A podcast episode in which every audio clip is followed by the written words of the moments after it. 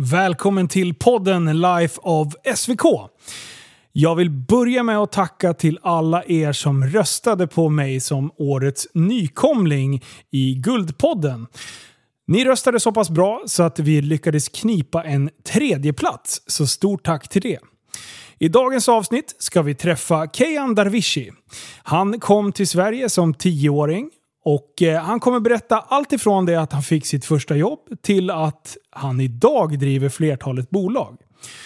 Så sätt er lugnt tillbaka, för nu kör vi!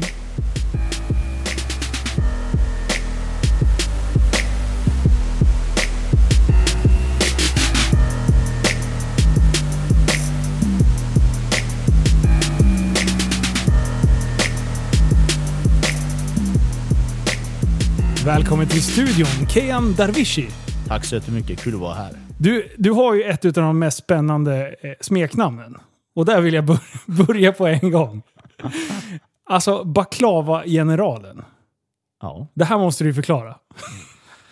Nej, alltså. Jag kom in till mäklarhuset, träffade på Victor Eliasson, mäklare. Och han har sett precis den där filmen, äh, Tårtgeneralen i Köping. Ja. Och då sa han, du baklava-generalen, kom hit. Och min första tanke, fan jävla rasist. Jävla rasist. ja, det var första. Du, Så du han- svarar “Svennebanan, håll käften” säger du. Nej, då sa de bara Viktor jävla rasist, vad vill du? Så Ja. Kom hit! Så fick jag se intro på filmen och sa fan Viktor förlåt, du är ingen rasist. Eh, och då kollade på honom och bara du, jag ska slå ett nytt världsrekord. Du bestämde dig där och då. Där och då. Va? Alltså det är det dummaste. Och baklava, för alltså jag har ju väldigt dålig koll. Vad fan är baklava för något? Alltså jag hade inte heller så bra koll. Nej, det är så? Eh, nej, alltså, jag hade aldrig bakat i mitt liv. Nej, på riktigt. Jag trodde att jag ska göra 10 kilo så är jag klar, sen är jag ett världsrekord. Ja. Så jag åkte hem och googlade världens största baklava. Så stod det 513 kilo. Uh. Och då tänkte jag shit. Vad Man jag... mäter det per kilo alltså? Ja, det, det är Ja. tyngden. Okej. Och då tänkte jag, vad har jag gjort nu? För jag har, sta- jag har eh, skapat något Instagram-konto som heter Baklava-generalen. Börjar leka förebild. Ska baka. Sen fick Sveriges Radio reda på det. De hade ringt mig och nu kunde jag inte backa ur. Alltså det är så bra. alltså är du mycket för projekt? Det känns ju lite som att det är spontant. Eh, Alltså, jag är ett särbarn. Är det så? Det, det är faktiskt så. Jag ger mig in på allt som jag tycker är roligt. Ja. Det är ju underbart. Det är precis sånt vi behöver i podden. Ja, det beror på vem du frågar. Frågar du tjejen, hon hatar det. Ja, mm. Frågar du mina föräldrar, ah, de kan skryta med det, som är lite stolta. ja okej. ja, det är Alltså. bra. Men du, blev det någon världsrekord då? Inofficiellt, ja. Inofficiellt. Hur många kilo blev det då? 724. 724. Ja. Det är sjukt. ja, det är sjukt. Vadå, hur, hur stort är det liksom till volym? Över 16 kvadratmeter. Shit. Mm. När gjorde du det här då? Var det under förra året? Förra året, oktober tror jag. Ja, ah, okej. Mm. Ja. För du och jag har ju snackat ganska, ett gäng gånger nu under 2020. Mm. Eh, nu har det ju varit världens träligaste år hittills, så att man har inte kunnat hitta på sådär asmycket roligt. Men första gången jag hörde talas om dig, det var ju under Musikhjälpen, när det gick i Västerås 2019. Mm. Mm. Och eh, då var du också med och bidrog. Eh, vad gjorde du under Musikhjälpen då?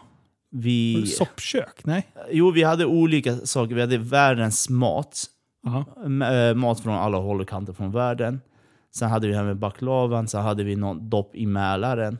Så det var x antal projekt därifrån. ja. Så jag fick vara med och inviga Musikhjälpen utan själv att jag skulle veta om det. Att jag ska vara med och inviga det. Jaha. Ja, det var, det var, det var sjukt. Fan vad grymt. Ja, man var nervös som inåt helvete. Ja, jag kan tänka mig det. Ja, Jag kommer ihåg, eh, för ni hade ett tält där på torget tror jag. Eller? Nej, vi, vi fick stå i en tält. Ja. Inte vårt egna. Okej, ni fick bara en plats där i. Mm, Ja. mm. Coolt. För, ehm, och sen var, ni, var ju du med och bidrog eh, och, och körde dina grejer eh, under Musikhjälpen. Mm. Och eh, vi snubblade ju in där med Tappat som barn och, på något jävla bananskal. Och så slutade det med att vi stod i buren och allt möjligt. Så här. Eh, men sen efter det så blev ju båda vi uppmärksammade utav, tillsammans med Elin Cederos bland annat. Jag kommer inte ihåg vad den sista var. Och sen eh, Säg hej till din granne eller något sånt där. Ja, just det. Det var någon. Ja. Eh, så då blev vi nominerade till Årets Västeråsare.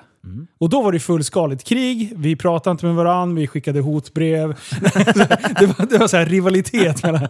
Nej, det var, det var jävligt kul att, att faktiskt bli eh, uppmärksammad eh, på det sättet. Men sen så slutade det med att du vann ju den tävlingen. Ja, Jag varit faktiskt chockad för att ni var stor, stor bild och jag hade förberett mig. Hur ska jag bryta ner de här? Jag tänkte super retard. De har kört igenom allting, rondeller, de har förstört allt så mycket för Västerås. Jag, kommunens gullig gris, jag borde få ta hem det här. Ja, det var därför vi inte vann. Det, det kom in så här anonyma filmer. Bara kolla här vad de här grabbarna har gjort. Nej, sen såg jag att tjejen hade varit inne och skrivit världens längsta, typ vad jag hade gjort och sånt där. Så skällde jag ut henne. Vad, vad håller du på med? Jag tror det är systematiskt. Ja, Men nej, det var... det är jätteroligt. Nej, det var kul. Det, var, det där gjorde du förtjänt utav. Och du hade ju jobbat en, du har ju gjort grejer under hela året.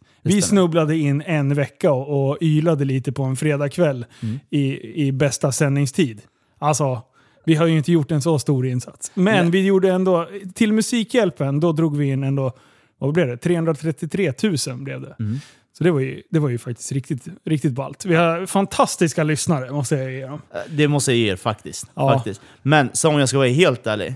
Jag tycker ni var mer värdiga Västerås än vad jag själv var. Det måste jag vara helt ärlig och säga. För att det ni har gjort för Västerås, så mycket uppmärksamhet som Västerås har fått, det ska en stor, stor eloge för. Ja, tack. Så jag hade ett litet dåligt samvete därför, men det var ändå skönt att spöa dig. Ja, jag förstår det. Ja, men jag tänkte ju lite sådär. Vi har härjat, vi har satt Västerås på kartan i hojvärlden. Ja, och kanske inte sådär jättebra publicitet. Utan det var liksom så här. vi åker till Västerås för där kan man köra hoj som ett svin och Mm. ingenting händer. Så då tänkte jag att då måste vi ändå sätta lite plåster på såren. Mm. Och det var då det blev Musikhjälpen. Men det gick ju hem, så det, det var ju bra. Men du, eh, lite, lite om din bakgrund och sådär så att folk får lära känna dig. Vad, vart, eh, du berättade att du kom till Sverige, vilket år? År 2000. 2000. Mm. Vart, eh, vart är du ursprungligen ifrån? Kurd. Är du kurd? Jajamän. Oh, nu, nu är det här med, med land och inte land. Jag är fruktansvärt dålig påläst om det här. Men vi håller oss bara till att jag är kurd. Så Ja, vi, jag det, blir inga, det blir inga misstag där. Annars får du titta storm. Det bara flyger in meddelande. Ja, jag vet att det är känsligt i alla fall. Ja. Eh, hur, eh, vart, hur, vart, vart i Sverige landade du då?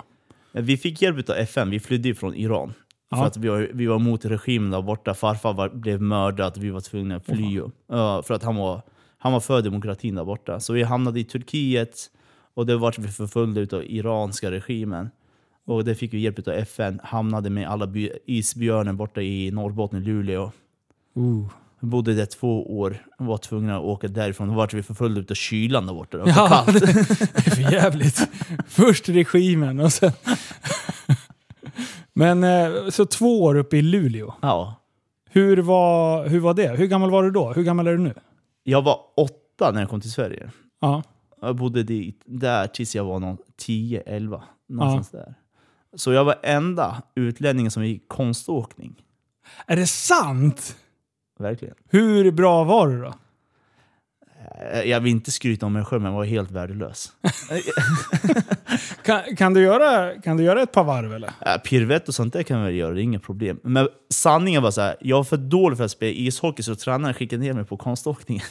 Alltså det är det värsta hånet jag har hört tror jag. Det, det, men jag, jag, jag trivdes faktiskt. ja, jag förstår det. Det är massa...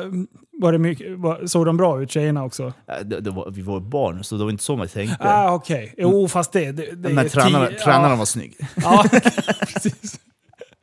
Jaha, så det blev... Och, och det är ju därför du är här, för du, alltså, du ska ju eh, köra eh, vad heter det? OS i konståkning.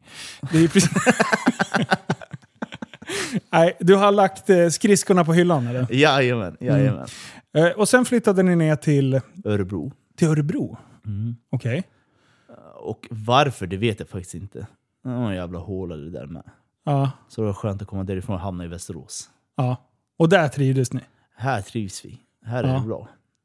Du, eh, var, när, eh, hur fan är det att starta ett, liksom, nu var ju du så pass ung, men hur, hur har du pratat med dina föräldrar om hur, hur det är att starta ett nytt liv i ett nytt land? Liksom? Börja om från scratch? Sådär. Nej, alltså, jag minns ju allt. Det var tufft som inåt helvete. Farsan rökte tre, tre pack cigg om dagen. Mm. Det, för oss det var ganska enkelt att anpassa oss. Eh, Vi gick ut och började leka och vi var fascinerade utav glassbilen. Men det här måste du få höra, det här är Ja. helt sjukt. ja. Eh, Vi fick ju höra så gott om Sverige. Mm. Så när vi började resan mot Sverige så var det en som sa i Sverige så har man byggt upp hus utav glass. Så på morgonen när man vaknar så tar man en tugga från väggen. Så vad ska ni ha för smaker i ert rum? Vänta, vem sa det här? Äh, Det, det var en som kom från utlandet och skulle skryta som ett helvete. Nej men, eh, jag sa jag ska ha päronsmak, syrran hon ska ha jordgubb. Och då sa ah, fan vad gott, då ska jag komma in och käka hos dig. Ja. Men, nej, så började vi slå varandra. det var världens slagsmål. Så visade jag att vi landade på flygplatsen, lite utanför Luleå då. Ja. Kevin sitter där bredvid. Och han missar precis munnen och hällde hela drickan rakt ner på sin vita tröja. Ja, du och Kevin känner ju varandra. Eh, så att han, han, han har guidat dig ut i Sveriges egna Dubai. Ja, det är helt sjukt. Men hur som helst. Ja. Vi landade på flygplatsen. Det enda jag längtade till att hamna hos farmor för hon bodde här. Ja. Så kom vi in så började bita på väggen. Så kollar farmor på mig och säger, kollar på min farsa typ, är han efterbliven? Och då säger farsan, "Ja, men fan låt han få äta ner så mycket glass. Hon säger, det är gipsvägg. Nej! så det är så mycket myter man får höra om Sverige. Är det är- så? Ja, gud. Alltså en annan grej. Ja. De sa i Sverige så kollar man på en och samma TV en, alltså, en månad, sen lägger man på dosan och kör ut det till miljöboden. Ja, Sen går man och köper en ny. Så mycket pengar finns det i Sverige. Uh. Och farsan han bara, jag ska vara smart. Jag bara, vad ska du göra? Men jag tittar på samma TV alltså, två månader sen. Då har vi sparat in i alla fall för sex månader. Det kan vi göra något annat roligt för. Ja. Jag tror vi har fortfarande samma tjocka TV hemma. sen, sen 20 år tillbaka. Men shit. Vad är det sådana myter som går om, om Sverige? Liksom? Ja, om du bara visste. och Alltså, det, det lär ju vara så fortfarande. Ja, ja, ja. ja. Fo- Folk frågar om jag har sånt där kort som man stoppar i väggen som bara kastar ut pengar. Ah, ja. Det, har, du, har du kontakt med, med hemlandet fortfarande? det händer att jag åker tillbaka faktiskt, men jag kan inte åka tillbaka till den iranska delen, för där är vi svartlistade, där kommer jag bli hängd. Så jag åker till den irakiska delen. Där Aha. har vi vårt kurdiska parti som jag besöker lite då och då. Ja, okej. Ja, spännande. Väl i Västerås då? Vad, hur, eh, hur etablerade du dig på plats? Liksom? Vad, Då var via Råby IP, fotbollen. Mm. Där fick man ett stort brett nätverk med vilka som helst. Ja, det var så. Ja, det var där utgångspunkten för allihopa. Det var innan den här smartphone uppkom och allt sånt där. Så Ja. skulle du få tag i någon, det var på Råby IP. Ja. Det är bra. Och, och det är, sporten är ju bra så, för den är ju väldigt... väldigt eh, den har ju inte de, de, eh, varken de språkliga gränserna eller kulturella gränserna, utan är det sport så är det sport. Precis. Eh, vilka sporter är det du har nördat ner dig i då? Det är väl egentligen, om man bortser från konståkning, det är man inte så stolt över nu efterhand, men det är väl fotbollen.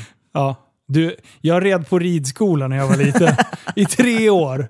Och, och då, när, jag, när jag var med på lektionerna så här, bara, Kom igen nu tjejer! Och Linus! så jag, jag, ska inte, jag ska inte skratta åt konståkningen. Eh, ska jag inte göra. Hur... Eh, eh, nu var ju du som sagt ganska, ganska ung, men, men just det här med svenska språket. Eh, hur, eh, hur var det liksom att, att lära sig ett helt nytt språk och känna sig... Var, var, ni fler som hade flytt uppifrån eh, Luleå? Nej, men alltså, det, Eller var det vi- Umeå? eh, Luleå. Luleå, ja. Nej, men alltså, när vi kom till Sverige, vi lärde oss språket behärskat eh, under sex månader. För att du vet, vi bodde i radhus, Ja. eller tvåvåningshus eh, heter det. Och då var det så att grannen under oss var svenskar. Ja. Till höger om oss var svenskar, till vänster om oss var svenskar. Ja. Det enda alternativet du hade, det var ju svenska. Ja. Och det var ganska enkelt för oss barn att lära oss språket, komma in och börja förstå hur samhället funkar. Men det var ju mycket svårare för våra föräldrar. Ja, Dessutom så var de, de har ju aldrig gått i skolan med analfabeter bägge två. okej. Ja. Så för dem var det mycket, mycket tuffare. Hur har det gått nu de senaste åren då? Alltså morsan var arbetslös fram till 2012, 13. Mm. Och farsan, han, hade ju, han försökte ju business. Han, gjorde, han jobbade på Toyota Center ett tag som rekommenderare och sen slutade han därifrån och startade eget. Sen var han på resa, så sålde jag hans bilverkstad.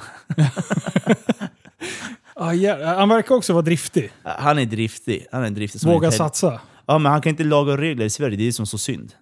Okej. För att Mm. du vet, hos oss där vi kommer det finns inget som heter moms, det finns inga skatter, det finns inget sånt där. Jag vill Utan- inte vara med i den moms. Ta bort den. Jag vill inte ha. Nej, så det, det, det är det som sätter lite käppar i hjulet för honom faktiskt. Ja, Men annars driftig som inåt det helvete. är ju jobbigt. Jag menar, du, du driver ju mycket företag idag. Mm. Eh, och jag är också där. Det, det är svårt. Till och med liksom när man är ändå, eh, och jag är ändå uppväxt i en, en ICA-handlarfamilj Mm. eh, och har fått väldigt, väldigt mycket gratis på det sättet. Ändå så känner man sig osäker. Så jag kan tänka mig om man inte har det kontaktnätet som en annan har. Det är stort av att... Faktiskt. faktiskt. Men där, då ska jag, vad heter det, Skatteverket ska få en passning härifrån faktiskt. Ja, För att ska de gå ut och kontrollera företag, kolla vad bristerna är och hur ser kompetensen ut. Lär dem istället för att bötfälla dem. För att ju mer du lär, desto mer kan de bidra till samhället. Och det är där jag tycker vi, de missar. Eh, absolut. Eh, för speciellt, eh, ja men precis, gör man fel en gång, Mm. ja absolut. Då är det, sen om, det, om man sätter det, det är det ju problemet, att folk sätter skiten i system. Eh, men det är precis som du, som du säger, det finns ju mycket företagande, men att det brister i kunskapen Mm, kring mm. lagar och regler. Så att, Nej, men alltså, vi tar bara ett enkelt exempel. Vi hade bilverkstad och jag ska hjälpa farsan att skifta däck. Du vet, han skiftade för 100 kronor per bil. Det är inga Ja. pengar. nej. Det, sen kom Skatteverket och gjorde någon kontroll där borta, så var jag där ganska ung, så hade jag aldrig frågat efter kvitto. Utan jag tog bara pengen och stoppade i fickan för att hinna med nästa kund. Ja. Åh, Två, åh. två veckor senare får vi hem 10 000 i böter. Ja, grattis. Ja, då kunde, då kunde Det är hundra däckskiften liksom. Alltså, det, och så mycket kunder hade vi ju inte ens. Nej. Och det, det är bara logiskt tänkande, fan, tu, alltså 100 kronor per bil, de här bryter ryggen. Det är 25 kronor per däck. Ja. Ja, Då kan jag lika gärna lära dem att de får ta lite extra betalt och så, med hur det funkar. Ja. Så blir det lite enklare att göra företag i Sverige, driva företag i Sverige. Mm. Men nej, nej, vi fick sån böter två gånger. byråkrati. Liksom. Det, det finns ju inte utrymme för eh, lite... Ja, men det är, det är ändå en bra infallsvinkel. Eh, och du gick i skola här i Västerås. Vilken Mm. skola hamnade du på? Nybyggeskolan. Nybygge? Mm. Ja. Sen hamnade vi på Vänsterrumska. Mm. Ja, där gick jag också. Första året. Ja, tuffa tider. ja, det var, det, var, det var hockeyklass vet du. Fy fan, det var mycket action där. Eh, hur, eh, hur var du i skolan då? Alltså, jag, var, jag var kanske inte Guds smartaste eller snällaste barn. Var du lite småjävlig? Äh, Jag, alltså, grejen är, vi hade det väldigt, väldigt tufft i ekonomiskt och sånt där och då var jag tvungen att vara spydig. För att jag skulle Ah. inte låta någon få köra över mig, för att skulle de köra över mig, då var jag helt körd. Ja. Så vi tar bara, ja, det här skäms man lite för i efterhand, men vi står på julavslutning i dessa tider, så kommer läraren till pepparkakor och sånt där. Alla tar en, jag tog tre. Ja. Så var det en som var lite, lite större modell då, i klassen som sa Får du ingen mat hemma? Då kollade jag på henne. Ja, då sa jag, hade jag fått mat hade jag sett ut som dig. Och det var inte uppskattat. Jag var kallad till rektorn och grejer. Men då sa jag till rektorn jag måste sky alltså, skydda Ja, mig på något sätt. Ja. Nej, på det sättet så satte satte jag mycket käppar i hjul för, min, för mig själv. Ja. Fuskade igenom varenda prov. Fick gå om ett år. Aha, okej. Så nej, jag och skolan var aldrig bästa vänner. Nej. Hur, började du, hur gick det från eh, övergången mellan, eh, från skolan till arbetslivet sen då? Eh, Efter studenten, Ja. eh, 2012, så sökte jag hur mycket jobb som helst. Det första jag gjorde gick och skrev in mig på Arbetsförmedlingen. Men det, det ledde aldrig till några jobb. Mm. Du vet, jag trodde så här, bli arbetslös, gå till Arbetsförmedlingen, du får ett jobb. Ja. Det var så jag trodde, men det var så långt ifrån sanningen, verkligheten. Alltså som, som företagare, Mm. eh, nu använder jag, jag jobbar ganska tajt med Arbetsförmedlingen. Eh, mycket via praktikplatser och arbetsprövningar. Och där kan man ändå få känna lite på personer. Eh, Så det är jättemånga som jag har faktiskt gett jobb efter att de verkligen har visat framfötterna när man har fått testa dem lite grann. Eller att jag har kunnat vara en bra referens för att sen kunna skicka vidare dem till någon kollega. Men eh, om jag skulle söka en person så skulle jag ju faktiskt inte kontakta Arbetsförmedlingen och säga så här, tjena, jag behöver en kassörska som ska kunna det här och det här och det här eh, och de här tiderna. Vad har ni? Aldrig. I, alltså det, det finns nog, jag tror inte att det är något företag som skulle göra det. Nu kan jag inte tala för alla, men, men min, min, min känsla är att Arbetsförmedlingen den är inte till för att, för att förmedla jobb, utan det är att få folk, ut människor i någon sorts eh, vad säger man, någon, någon aktivitet av något slag, men inte ett betalt arbete. Nej, alltså i min värld, Arbetsförmedlingen finns där för att förfina de här politiska siffrorna. Precis. Det är min ja. tolkning. Mm.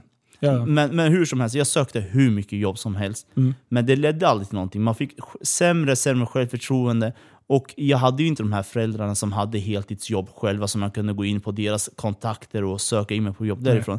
Utan jag var tvungen att stå på egna ben. Sen var ekonomin så pass dålig hemma. Jag hade en syster som var student, bodde i Karlstad.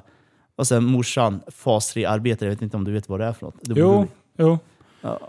Och det, det är ju alltså, Och hon då, jobbade. Då får du ju i stort sett minimal, det är väl minimilön på det va? Jag tror hon fick typ 3000 spänn. Hon jobbade heltid medan arbetsgivaren fick 5-6 tusen kronor för hon var där och arbetade. Ja. Ja, Det, det, det, det var helt sjukt. Och farsan hade sin knackiga bilverkstad på Saltningsvägen där alla vet vad som pågår borta. ja. Och vad, vad skulle leda för jobb till mig? Så det var... Det ledde nästan in till kriminaliteten för min egen del därifrån. ja. Hur, eh, hur nära var du den, den delen av felsidalagen då? En vecka. En vecka? Mm. Är det någonting du vill... Ja, alltså vi, det är ingenting som jag döljer, för att tar man inte upp dessa problem Nej. så har man alltid så mycket fördomar. Man måste veta vad är grunden för det här? Vad är bakgrunden? Ja. För att ta del av storyn. Och så här var det. Jag, jag var arbetslös, alltså nu när man tänker tillbaka själv, det var 8-9 månader. Det är inte mycket tid kan man tycka.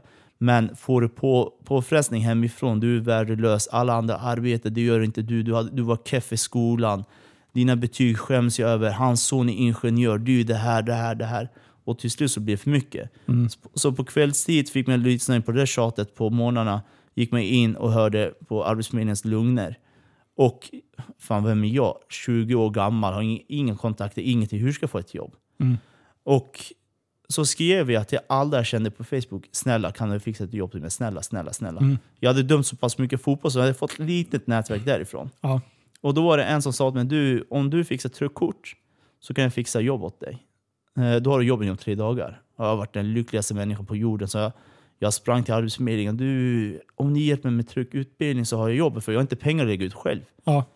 Eh, och då sa de, nej, det, det funkar tyvärr inte så. Vi har en lagerlogistikutbildning som du kan söka till. Den är på 12 veckor, börjar om fyra veckor. Uff. Ja, vad, vad ska jag göra? Så, men du, jag har jobb där borta som jag kan gå, till.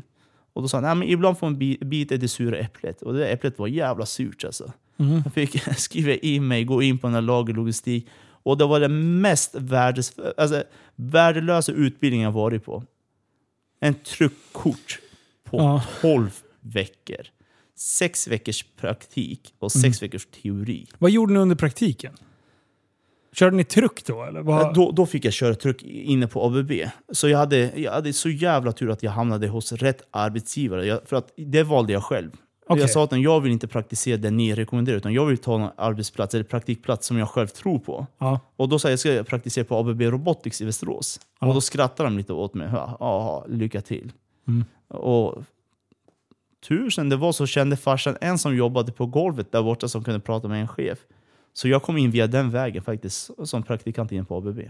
ja, coolt. Men teoridelen, det var, det var bara tjafs. Ja. Jag tjafsade nog varje dag för jag var så trött på det stället. ja. För att eh, jag, när jag tog truckkort då var det en eftermiddag. Nej, Men då hade vi, vi, vi hade ju jobbat, de kom ju till, jag jobbar på Maxi då. Mm. Eh, så då körde vi truck hela jävla dagarna. Men sen när vi skulle lyfta hög truck, då Mm. var vi tvungna att ha truckkort. Så bara, nej du får inte lyfta på den övre för att då är inte kortet. Alltså då kollar man. Nej, men det, det sa jag också till dem. Mm. Men då sa de det här är en utbildning, det är lager och logistik utbildning. Så Wow. du kan inte en utbildning på en halv dag. Mm. Och det var bara bullshit. De vill ju låsa upp dig i, för då försvann du ur statistiken ett tag. Men Precis. Exakt så det Precis. funkar. Åh, det är så... Det är så... Det är så... Det är inte lösningsfokuserat. Det är liksom sn- snarare liksom krångla till det så mycket Mm. som möjligt. Ja. Men eh, det gick bra till slut. Alltså det som var, eller bra och bra. eh, Jag bodde då på Vallby, så jag promenerade till eh, Finnslätten. Gjorde min praktik mitt under vintern. Jag, var- jag tror jag började promenera typ så här, halv sex på morgonen för att vara där vid klockan sju. Ja. Praktiserade eh, till klockan 16, promenerade hem under februari och mars månad under vintern. Men efter tre veckor så... ja, jag, jag hamnade i slagsmål på grund av en röding, så jag bröt två knogar.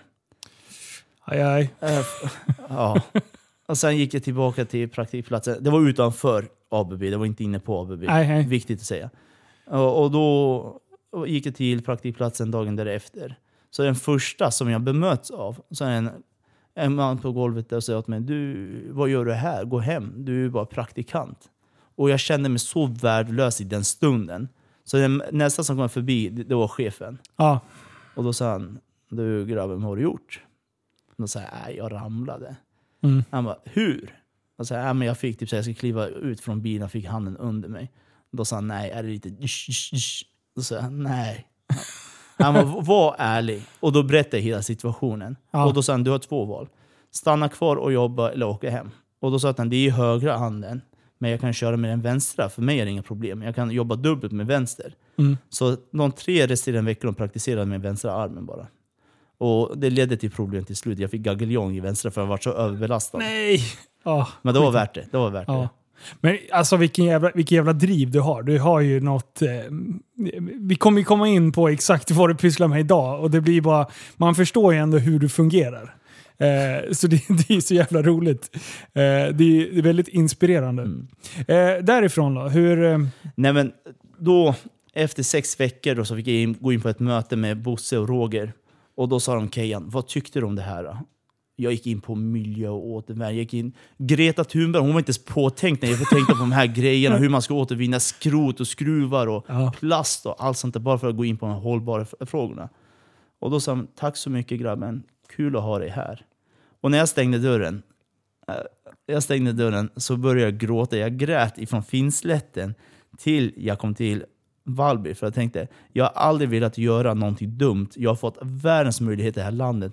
Men tyvärr, nu måste jag göra någonting. Mm. Och då hade jag, innan det här praktikplatsen, då, hade jag be- bestämt mig för att göra ett värdetransportrån.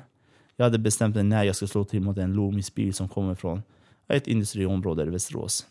ganska drastisk åtgärd, men, men när man... Drastiska åtgärder gör man ju när man är eh, desperat. Så är det. Alltså, men, du vet, folk kan tycka att du hade inte världens ursäkt, det är bara ursäkter, man behöver inte tänka så. Jag har varit arbetslös i sju år, jag tänker inte på det sättet. Men sen är det från människa till människa. Vissa Ja. kanske ser mig som svag, vissa kanske ser mig som stark. Det är upp, hur du uppfattar det. Men du vet, har du kompisar i 20-årsåldern säger du Ska du ut och käka? Nej, jag har gäster. Mm. Du, ska du ut på bio? Nej. Då gamla exet då? Du, ska vi gå ut och göra något roligt? Nej. Du, ska du på krogen? Nej. Och till slut så här, Och det handlar egentligen bara om ekonomi. precis. Ja. Du vet, det var inte mycket pengar. Och sen när du är väl hemma så, så säger föräldrar du är värdelös. Alla har jobb förutom du. Det är det här, det är det här. Och du tänker, men hur mycket kan jag ta in? Förstår du? Sen hade en äldre syster, jag är kurd, att vi brukar betala systrans förlovning och sånt där. Hon, hon var kär och hon ville gifta sig och vi hade folk som vi var skyldiga pengar som knackade på dörren som ville ha tillbaka sina pengar. Och allt sånt där var ju väldigt mycket press på mina axlar i och med att jag är enda killen i familjen. Och hur, Är, det, är, det, är det så uppbyggt kulturellt, liksom, eh, familje, familjemässigt? Mm. Va- vad sa du? Är det, är det din uppgift att... Eller ja, uppgift uppgift, du fattar vad jag menar. Eh, Att, att betala din systers förlovning? Traditionellt sett så är det på det sättet. Du vet, ska man se, ja men Kejan han har heder, han har gjort det här, han har gjort det. Då måste jag ta kostnaden för min syster som för att visa killens familj att ja, men, vi är att räkna med. Det är lite tuntigt så som man förklarar. Ja, ja, men det är mm. så det funkar i kulturen. Ja. Ja, Som sagt, jag, jag tror att det är bara kul att få ut det, för jag hade inte en aning. Nej, så jag tror, nej. jag tror eh, gemene svennebanan som lyssnar, de har nog ingen koll. Nej, men så här är det. Tj- Tjejen står för förlovningen, killen står för bröllopet. Och i det här Ah. fallet så var det min syster, då var det jag som står för hennes förlovning. Ja, Okej. Så då var det mycket press därifrån. Du vet, så här, och då tänker jag, vad fan ska jag göra? Och då hade Anders Adolf släppt en bok också, Pengar, pengar, pengar. Mm. Så jag läste det där, läste hur han har gjort sitt värdetransportrån och började kolla vad är det för krets han har rört sig i. Studera allt i detalj. Mm. Så en vecka innan jag ska gå in och göra det här värdetransportrånet, Mm. jag har allt i detalj klart. Då ringer min telefon. Så här, Hej, är det Kejan Darwish jag pratar med? Ja. Det är Magnus Fransson från Uniflex. Du har fått jobb på ABB Robotics. Vill du ha tjänsten? Åh, Och så här, vilken jävla lättnad. jag säger, ja, ja, ja, ja, tack så mycket, tack så mycket. Ja, men eh, när har du möjlighet att skriva ett avtal med oss? Nu! Jag kommer nu, sa jag. Han bara, äh, nu går det inte, när kan du komma in? Jag bara, nu, nu, nu. Nej, men vi måste planera lite. Klockan är tio nu, kan du komma in lite senare? Jag bara, ja, jag kommer nu. Han bara, vet du vad, det här är hopplöst. Kom in klockan två. Då sa han, tack så mycket, tack, jag kommer nu. Så du åkte dit nu. Eh, eh, Nej, alltså jag promenerade från eh, Valby till eh, centrum i Västerås, satte mig utanför, jag tror jag var där vid klockan 11, satte mig utanför dörren till klockan två för att inte missa min chans. Jag signade på det avtalet, jag var världens lyckligaste människa. Det var som om jag vunnit 100 miljarder på Lotto. Ja. Då ringde jag min syster och sa att han, du, säg till din kille, han kan komma fri om fyra månader, då är jag cash. det, eh, åkte hem. Du vet, efter det där, bara någon månad senare, morsan fick sitt första riktiga jobb i Sverige. Det vill säga hon faktiskt jobbar in pengar för, Ja. för samhället. Och efter 2013, 14 då vändes hela livet. Ja, det var så. Alltså allt där. Och då tänker jag, vilken dum människa går och gör ett världstransportrån när man har heltidsjobb?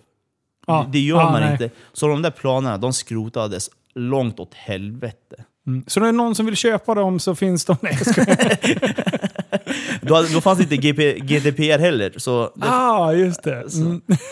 så det, det finns, det finns. Det är bra, pris. Ja.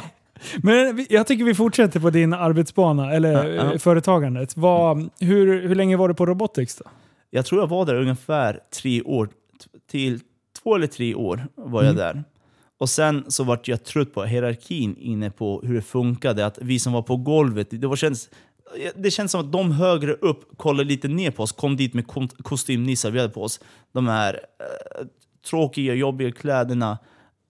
Och vi jobbade som hårdast, men vi fick aldrig någon beröm för det. Nej. Och då tänkte jag, fan det är inte det här jag, jag riktigt vill göra. Så jag bestämde för att starta eget företag.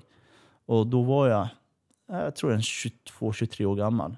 Mm. Och då tänkte jag, vad fan ska jag starta för företag?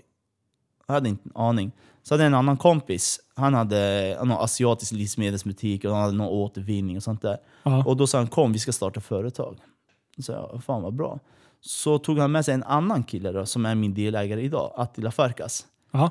Så kom jag in, fan jag ser Attila Farkas, jag tänkte den här killen har jag alltid velat slå, alltså, slå hela, alltså jag har alltid velat slå honom. Ja.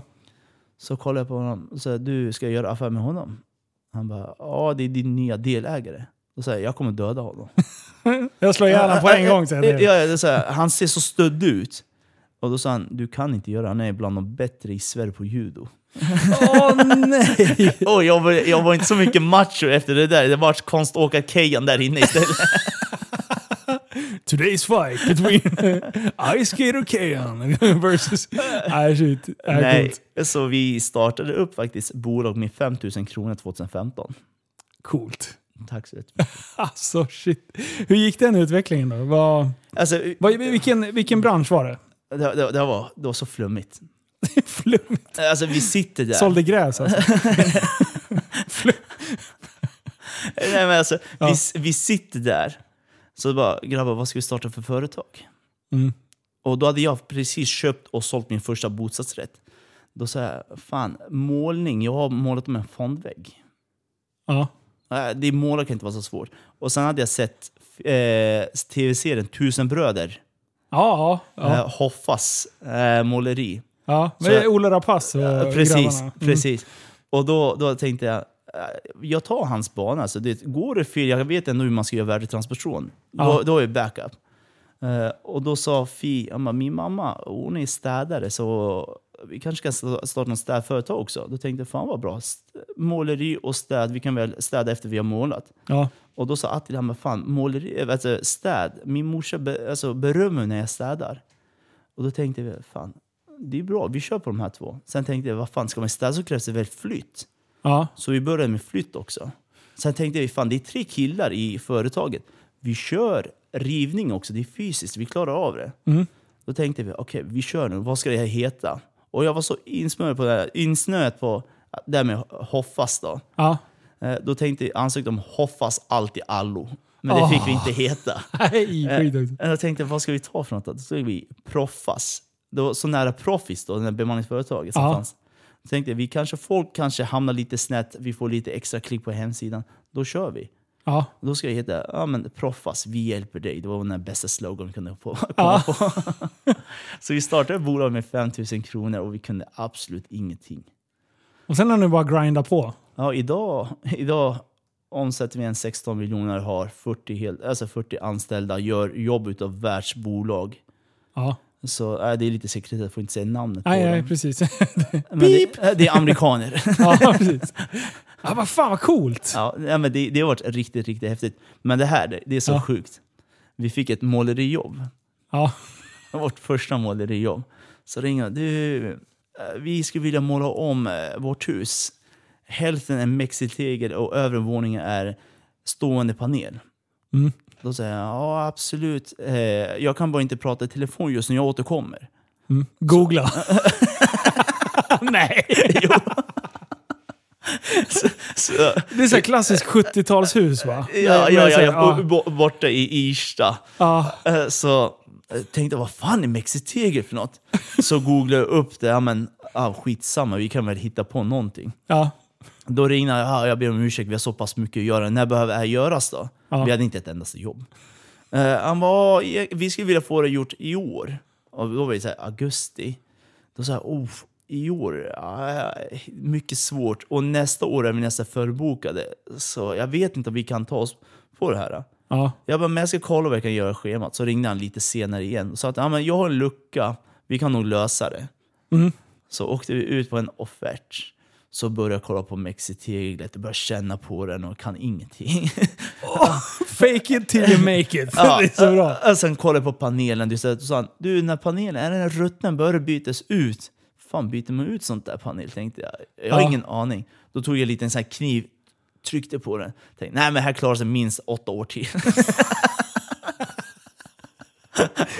Så jävla bra. och, och då sa han, men hur gör ni med målarfärg och sånt? Jag tänkte, alltså du vet, det blir dyrt om vi ska köpa in för vi måste ta påslag och transport och allt sånt Ja. där. Köp in du då. Sa han, vad har du för märken? Då sa han, vi har policyn i bolag, vi får inte ge några märken. Ja. Utan, utan du får bestämma själv, för då står du för garantin. Så han köpte rätt färg. Då blev det i alla fall rätt färg. Liksom. ja, ja, ja. Alltså, Ja. Han köpte in allting. Och då sa han, vad kommer det här kosta då? Så här, jag vet faktiskt inte. Vad har du för budget? Ja. Och kollade på mig och typ såg så skum ut. Vad har du för budget? Ja. Jag bara, men eh, jag, jag vet faktiskt inte. Alltså, jag har inte tänkt. Jag tänkte att vi ska göra dem nästa år och sånt, så jag har inte funderat på någon budget och sånt där. Han bara, men vi har en budget på 40 000. Mm. Ja, då sa jag, ja det låter bra, vi ska fundera på det. Sen åkte vi hem två dagar senare så skickade en offert på 41 300 kronor. Alltså det är så bra. Eh, så, så skickade vi det jobbet till honom då. Och sen, vi hade räknat, jag och Attila skulle göra hela jobbet på fem dagar.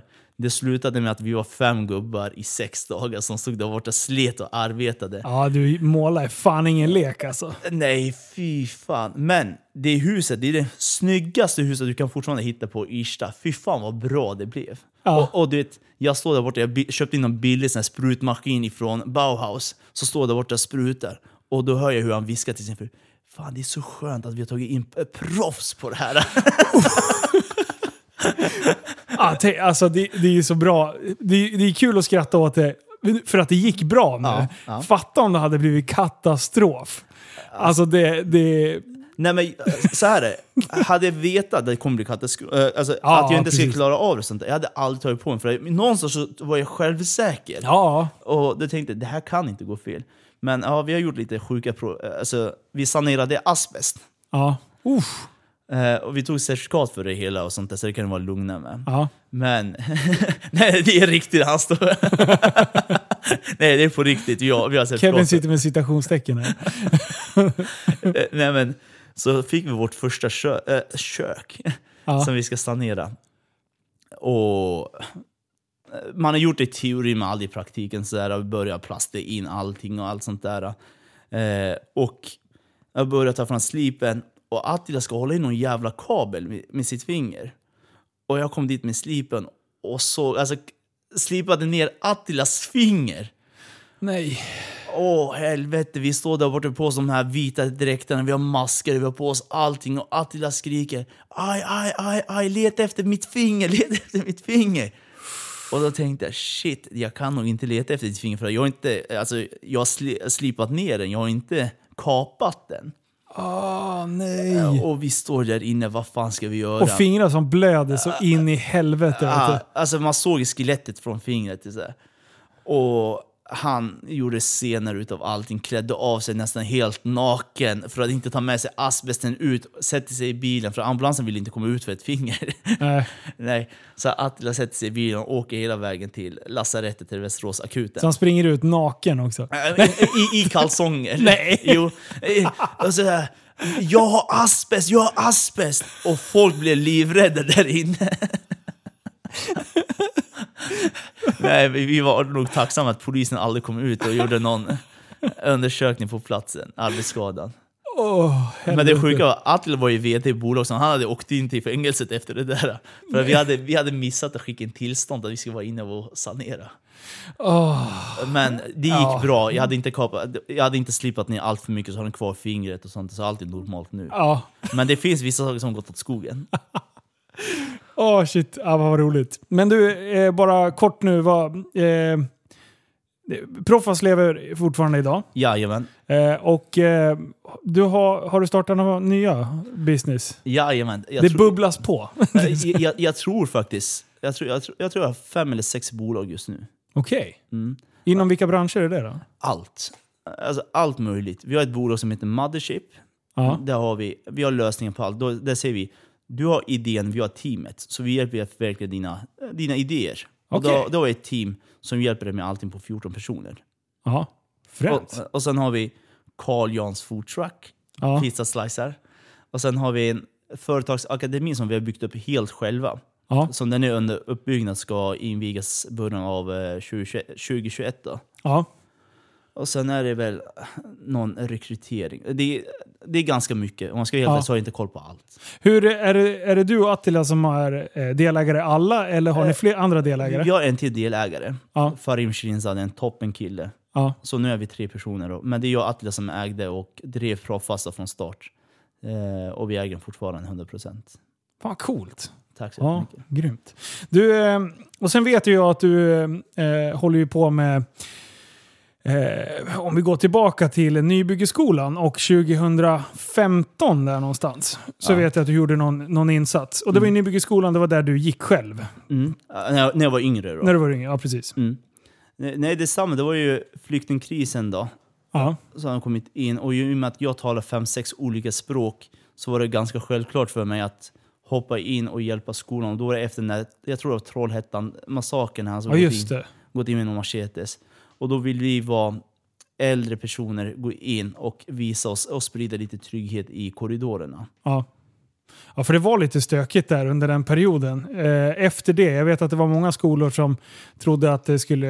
Ja, Mm. Och sen var, var... precis, och sen var man ju lite rädda för det här med flyktingvågen som kom in. Det är typ vuxna människor som går med barn och hur ska vi hantera det? Och det är helt olika syn på kvinnor och tjejer. Hur ska vi alltså, handskas med det där? Ja. Så då tänkte jag och Atle, vad fan, vi har inget vettigt att göra på kontoret. Ingen känner till oss. Och vi var inte de killarna som satt där borta och bara rullade tummar och lekte att vi hade mycket att göra.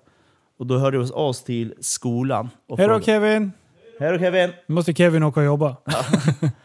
Nej, men då åkte vi in till skolan och frågade kan vi få vara här och jobba ideellt. Så hjälpte vi sko- skolan ett tag faktiskt. Okej. Mm. Eh, vad, hur upplevde ni det? Jag vet inte hur många ensamkommande som kom till, Sver- eller till Västerås. Ingen aning faktiskt. Det var, eh, det var lite oklart med hur, hur fördelningen blev. Men Men, det, det var några tusen. ja, eh, hur, eh, hur var det då? Blev det något... Jag tänkte just med här, det var ju väldigt mycket snack om ålders, eh, åldersprövningar Mm. och sådär. Vad, vad är din bild då, som ändå var ute på skolan? Alltså, för mig handlar det om att jag måste ge en ärlig bild ja, utav allting. Jag hade, eh, jag hade ensamkommande som bodde hos mig. ja. Jag tror som bäst, jag hade fem stycken som bodde hos mig ett tag. okej. Ja, ja, det var, det var eh, Jan Emanuel, det var mini-Honna. Ja, ja, precis.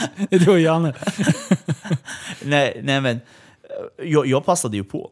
Mm, eh, Och sen tänkte jag, jag kan göra det här utav alltså, olika anledningar. Men om jag faktiskt försöker vara en bra människa och få in dem i, i samhället så kommer det kosta mindre pengar. Ja, absolut. Eh, och då säger jag åt dem, grabbar, ja, det här är mitt hus, det här är mitt hem, det är jag som bestämmer, det är mina lagar och regler. Är ni under mitt tak så måste ni vara 100% ärliga. Ni går inte ut efter 21.00, ni hänger inte på centrum, ni gör ingenting sånt där. Röka får ni göra när ni är 18. Är, är ni äldre än 18, ja då har ni inte någonting här att göra. Sen var det en som kom fram. Du, kan jag lita på dig? Jag bara, ja. Jag är 22 år gammal, men jag har skrivit att jag är 16 här. Mm. Och då sa jag, "Nej, men bra att du sa det till mig, men säg det inte till Migrationsverket. Nej. Då blir det knas. Sen kom den andra, sen kom den andra, sen kom den andra. Sen hade vi en stackare då. Han var, han var faktiskt 13 år gammal på riktigt. Ja, Och då var vi lite oroliga. Jag tänkte, det här är ju män som bor hos mig. Så var den här lilla 13-åringen, hur ska jag isolera honom som att de inte utnyttjar honom sexuellt? För att vi har, lite, vi har lite olika syn på här i Sverige och i Mellanöstern hur det här kille med kille är och allt sånt där. det där är lite intressant. För det vet jag att jag har hört olika diskussioner om också. Just, just med liksom sexuellt våld eh, inom, inom det egna könet. Vad, vad handlar det om? För det har väl ingenting med den sexuella akten att göra? Är det bara liksom... Nej, det, det har med manligheten att göra. Alltså det, har, typ så här, det är lite herra på täppan. Du är, nu är det jag som styr stället, det är jag som bestämmer och jag, satt, alltså, jag har suttit på dig. Förstår du? Då har det ingen heder kvar. Li, lite sånt där är Så det är liksom makt och eh, ett psykologiskt spel egentligen? Ja, ja. Och vissa, det var typ så här. Jag fick höra att vissa hade spelat ett kortspel. Ja. Då, det var inte mina ungdomar. Nej. När vissa hade spelat lite kortspel och sånt där, så ser de att fan, de här grabbarna de går iväg efter en halvtimme av spel, så kommer tillbaka 15 minuter senare och spelar igen. Ja. Och då hade någon sagt sig bara, du grabbar varför går ni iväg och skrattar, sen kommer ni tillbaka? Då sa jag, ja, men eh, vi spelar kortspel, den som förlorar, den blir påsatt bakifrån utav de som har vunnit då. Jag tänkte, men det där kan ni väl inte göra? Tycker du det där är okej du som har förlorat? Sa han, ja men jag förlorar nu, sen har jag vunnit också. Så det är en helt annan syn på allting. ja. Jävla sjukt. Ja, det, det, är ganska sjukt faktiskt. Ja, shit. Eh, men eh, eh, jag tänkte just, just med om man, om man snackar integration. Mm. Du som ändå har liksom dels jobbat med eh, att hjälpa till med integration. Eh, Mm. Och sen har du även blivit integrerad själv. Mm. Om du skulle liksom... Jag anser att dagens integra- integration är, har... Den har ju stannat av på grund av att man inte vågar ställa krav. Vi är för fega. Ja, precis. Det är lite min bild också. Hur skulle du kunna utveckla lite hur... Dels hur det ser ut idag och vad man skulle kunna göra bättre. Jättestor fråga, jag vet. Men Alltså, jag kan bara gå, gå tillbaka till mig själv och mina föräldrar. Mm. Enda gången mina föräldrar lärde sig bra svenska när de var inne i samhället. Mm. När de fick ett jobb. Jag tycker så här, nyckeln till integration, det är ett jobb. ja, Du kan inte gå och lägga in en 50-åring, en 60-åring som har aldrig gått i skolan i sitt hemland, lägga honom på skolbänken och säga att nu ska du klara SFI innan du kan göra det här. Vet du vad? Nej, det finns så mycket mer den kan göra. Den behöver inte kosta välfärden. Den, kan, den ska tillföra till välfärden. Om vi tar bara ett exempel. Det finns så pass mycket kolonilotter runt omkring. Du är som en ICA-handlare. Mm. Man snackar om så mycket FNs globala 17 mål, jag vet inte hur många de är. Mm. Men varför är det ingen som går fram till de här kolonilotten och säger vet du vad, du, jag är beredd att köpa dina grönsaker så länge ni gör en affär utav det här. Mm. Någon verksamhet. Och då har det helt plötsligt 20 personer som kan få ett jobb därifrån. Mm. Och då tycker jag så här, samhället måste bemöta mig under, alltså inte på mina villkor, det är inte rätt ord, utan under mina kvaliteter. Det jag kan, i mina kunskaper. Och i mina föräldrar, så här, de kan aldrig gå i skolan. Men jobbet var rätt steg för dem för att integreras. Och sen är det så här, det är viktigt att du alltså, träffar människor. För att det som är problem som jag upptäcker nu, eller, det är att psykiskt så bor du i hemlandet och fysiskt bor du i Sverige. Mm. Det är superfarligt. Med det sagt, du sitter och kollar på kurdiska tv-kanaler. Mm. Du pratar kurdiska med dina vänner. Du ringer till hemlandet. Du gör allt det här. Men du har inte en aning vad som sker i Sverige. Men ändå så bor du i Sverige. Och där, där tycker jag det är helt, helt fel. Utan där måste jag, där tycker jag att vi måste ha ett bättre system hur vi ska få människor att integreras. Och då hade jag ett tips. Mm. Men då vart jag kallad direkt för rasist. Och då tänkte jag, shit, kom igen, det kan inte vara så svårt. Man kan inte bli rasist för allt. Jo, det kan man. I Sverige kan man det. Nej, men alltså, det, det, det, det är så löjligt, liksom. det, det är Ja, sjukt. ja, det är lite... jag, jag, jag sa så här, innan man kommer in till Sverige, man flyr till Sverige för att få ett bättre liv. För att få ett bättre liv så ska du integreras, och då ska du trivas. För att det är väldigt många som hamnar i djup depression när de flyttar till Sverige för att det är så annorlunda. Då tänkte jag, du ska få hamna på ett läger. Alltså en träningsläger. När du kommer till Sverige, då har du sex månader på dig att klara av språket, ta körkort, hitta ett jobb. Allt sånt där. Utvärdera som människa, vad dina kvaliteter och sånt där. Ja. Har du inte klarat av det? Har du klarat av det efter sex månader? Bra, då har vi hittat jobb åt dig i Lappland. Vi skick- skickar dig dit. Ja. Då har vi bockat av en. Sen tycker jag att man ska fortsätta på det sättet. Det, det är en ärligare bild till människor och samhället mår mycket, mycket mer, alltså mycket bättre av det.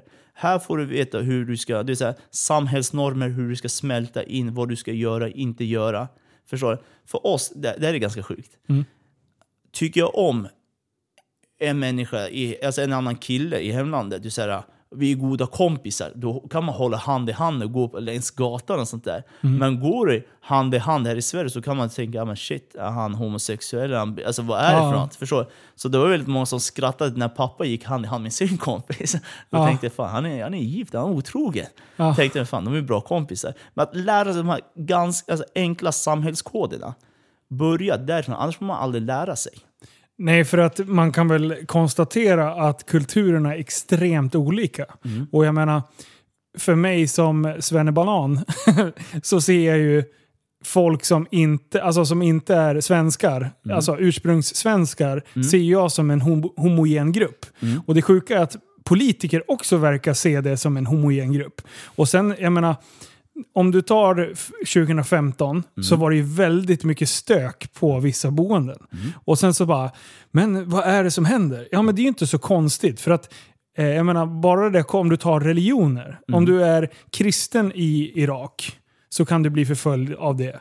Eh, och sen så, de som då har förföljt dig där, hamnar du på samma boende. Det är klart att alltså, bara för att du byter land, eller byter liksom mark du står på, så försvinner ju inte de här eh, det, de vattendelarna Nej, som precis. faktiskt är. Och då är det Precis. klart att det blir kalabalik. Nej, men det, det var ju så att vissa flydde undan från IS, från Syrien. Ja. Uh, och en av de här människorna fick ju faceas med en av sina våldtäkts... Alltså, ett offer fick träffa en våldtäktsman på samma läger. ja, det är ju skandal. Alltså, då, då är vi inne på det du säger. Hur i helvete kan han gå till? Ja. Vi, vi, vi har så pass bra koll på allt som sker i samhället. Vi har koll på ett företag som har fuskat med eh, tusen, tiotusen här och där. Men man har inte koll på en mördare, man har inte koll på en pedofil, man har inte koll på något sånt där. Och det, jag, jag tycker det är bara bortförklaringar. Ja, eh, ja speciellt när eh, Iraks eh, inrikesminister Han bor här och eh, har svenskt stöd. Fast han, eller var han utrikesminister? Ja. så- Någonting var han. det är så jävla... Alltså, när jag fick reda på det, jag tänkte bara, nej men nu är det ju först, nu, nu är det april, april. Ja, det- Alltså det är bullshit. Sen bara, nej. Nej, det, det, var, det var så sjukt. Men det var som jag sa till en politiker. Hon kom in på kontoret och sa Men du Kejan, vad tycker du här med coronan? Ja. Och då sa jag till henne, det jag tycker med corona, ni har förstört samhället, ni har förstört för oss företagen, ni har satt käppar i hjulet. Ja. Så vad ska du göra åt det då? Då jag, det jag ska göra åt, jag ska sälja av allt jag har. Jag ska dra och bo utomlands tills jag bränt upp varenda krona eller investerat. Sen ska jag komma tillbaka och gå på SOS. Och då kollar han på mig. Men Kejan, det kan du väl inte göra? Då säger jag, jo, psykiskt så mår jag inte dåligt. Nej. Eh, Jag får inga påfrestningar. Ja. Jag behöver inte tänka på någon anställdas lön, jag behöver inte tänka på någon skatt, jag behöver inte tänka på nästa pandemi. Då vet jag att min lön kommer komma in precis som din lön kommer in. Eh, och då sa jag, men Kejan, du kommer inte ens äga en bil. Då sa jag, nej, men min pappa kan äga två. ja. Eh, I beat the system. Eh, Ja, ja, men då, då blir de så förvånade, så chockade. Man tänker, men, kom igen, så svårt är det inte. Så blåst är du inte. Nej. Och det är därför samhället ser ut som det gör. Ja, och jag tycker liksom om man tittar tillbaka på, på svenska samhället, om man tänker, om man ska se på socialdemokratin.